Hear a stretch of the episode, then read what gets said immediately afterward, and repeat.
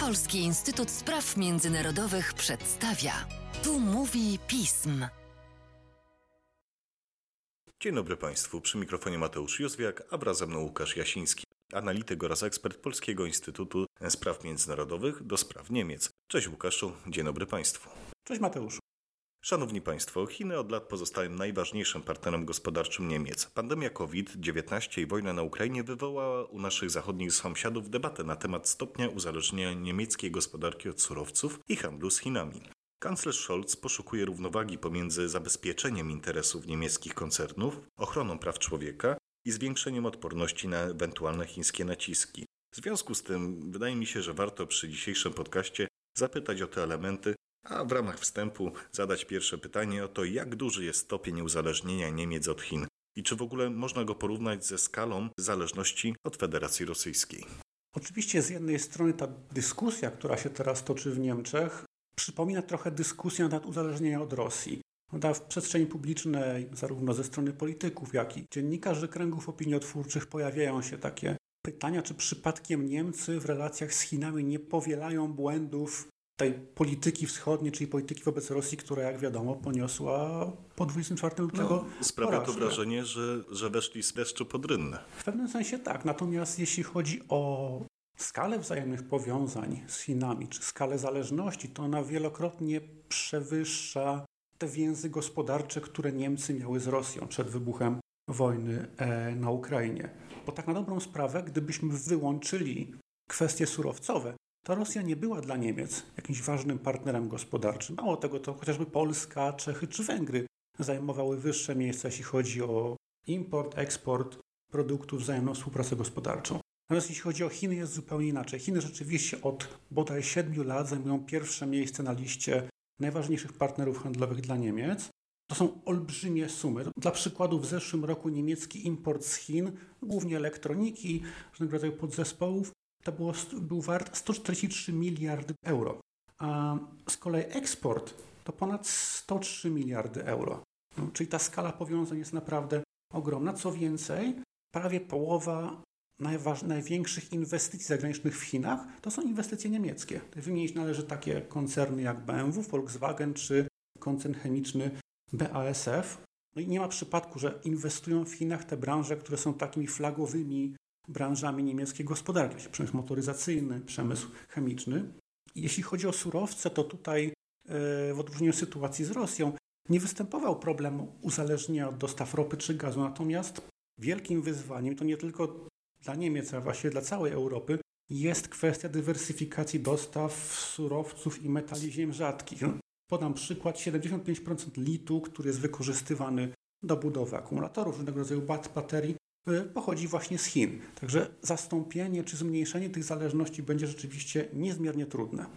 Łukaszu, a jak w ogóle możemy określić stosunek rządu kanclerza Scholza do tego państwa? Ten stosunek w gruncie rzeczy dopiero się kształtuje i można odnieść wrażenie, że następuje pewnego rodzaju ewolucja. Jak w wielu innych sprawach, także tutaj koalicja rządowa jest dość mocno podzielona. Z jednej strony socjaldemokraci, liberałowie jednak podkreślają kwestię prymatu gospodarki, interesów gospodarczych, ochrony także tych y, niemieckich inwestycji w Chinach. Zieloni to są ostrożniejsi, wskazują na potencjalne ryzyka związane z takim zaangażowaniem się gospodarczym w Chinach. No i co charakterystyczne dla tej partii, także podkreślają przynajmniej werbalnie bardzo mocno przywiązanie do idei praw człowieka, które jak wiadomo w Chinach są w bardzo brutalny sposób niestety dość powszechnie łamane. Krótko mówiąc, można, możemy mówić o pewnego rodzaju ewolucji. Gdybyśmy spojrzeli na wypowiedzi najważniejszych niemieckich polityków, zwłaszcza związanych z socjaldemokracją, czyli kanclerza Scholza, prezydenta Steinmeiera i e, współprzewodniczącego SPD Larsa Klingbeila, to niezależnie od tego, że tych panów dzieli różnica jednego pokolenia i doświadczeń politycznych, oni wszyscy podkreślają jak mantrę takie stwierdzenie, że Niemcy muszą ograniczać tak zwane jednostronne zależności, żeby uodpornić się na nim ewentualne chińskie naciski, chińskie szantaże itd., tak ale bez zrywania więzów gospodarczych z tym krajem. Mało tego, ci politycy podkreślają bardzo często, że Najgorsze, co może spotkać niemiecką gospodarkę, to powrót do podziału świata pomiędzy bloki, tak jak to mieliśmy do czynienia e, w czasach chociażby zimnej wojny. Czyli tak naprawdę ta dyskusja na temat stosunku do Chin, który dopiero teraz się kształtuje, ona jest trochę dyskusją na temat stosunku do globalizacji jako takiej. Do globalizacji wolnego handlu, który, z którego akurat Niemcy przez ostatnie dekady bardzo mocno korzystały. No i teraz pytanie, na ile ten model jest w ogóle do utrzymania? Można trochę odnieść wrażenie, tak mówiąc kolokwialnie, że Niemcy usiłują tutaj, jakby to się mówi, jak to się zwykło mówić, mieć ciastko i zjeść ciastko. Pytanie, na ile to jest oczywiście w ogóle do pogodzenia. Podam dwa przykłady takich działań z ostatnich w zasadzie dni czy tygodni, które są dość niespójne, bo z jednej strony to jest słynna sprawa Urząd Kanclerski wyraził wbrew opinii chociażby służb specjalnych zgodę na to, żeby e, chińskie konsorcjum wykupiło 25% udziału w jednym z terminali przeładunkowych w porcie w Hamburgu.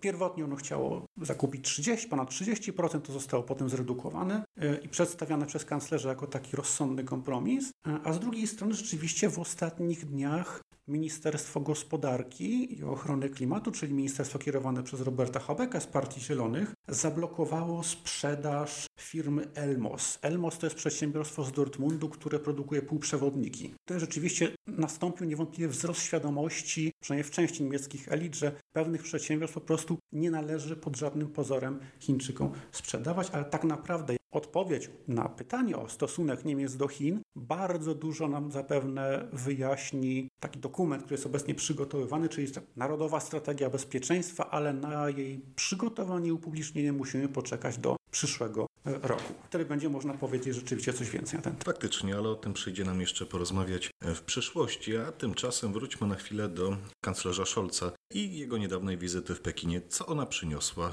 dla Niemiec? Kanclerz Scholz, podobnie jak za czasów kanclerz Merkel, oczywiście zabrał ze sobą szefów największych y, niemieckich koncernów i pewnym jego sukcesem rzeczywiście i świadectwem o, to, o tego, że w dalszym ciągu dbał o interesy niemieckich firm jest taka, takie ustępstwo, taka koncesja, którą udało mu się pozyskać, mianowicie szczepionka firmy BioNTech Pfizer, szczepionka przeciwko COVID-19 będzie dostępna w Chinach, na rynku chińskim, ale to bardzo ważne zastrzeżenie tylko dla cudzoziemców mieszkających w Chinach. Czyli Chińczycy będą mogli co najwyżej szczepić się w dalszym ciągu e, szczepionkami miejscowymi.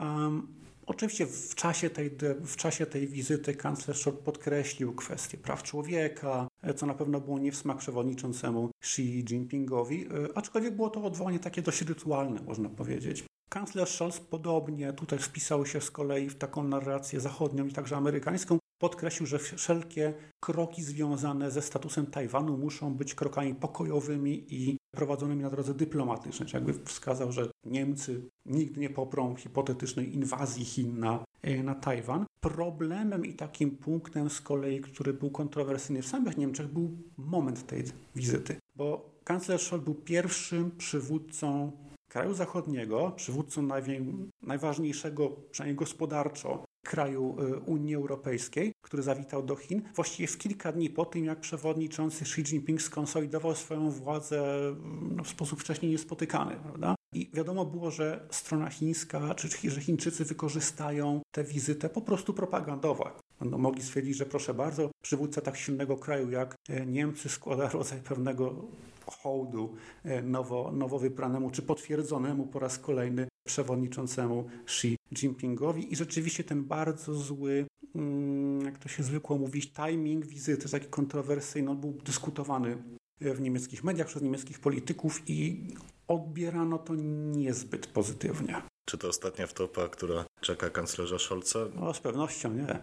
Tymczasem jednak kończymy nasz podcast o stanie relacji niemiecko-chińskich. Ja Tobie, Łukaszu, bardzo serdecznie dziękuję za dzisiejsze nagranie. Dziękuję bardzo. A Państwa zaś zachęcam do śledzenia naszej strony internetowej, czytania najnowszych biuletynów i komentarzy, śledzenia mediów społecznościowych, także naszego kanału na YouTubie. A z mojej strony to wszystko i dziękuję Państwu za uwagę. Do usłyszenia.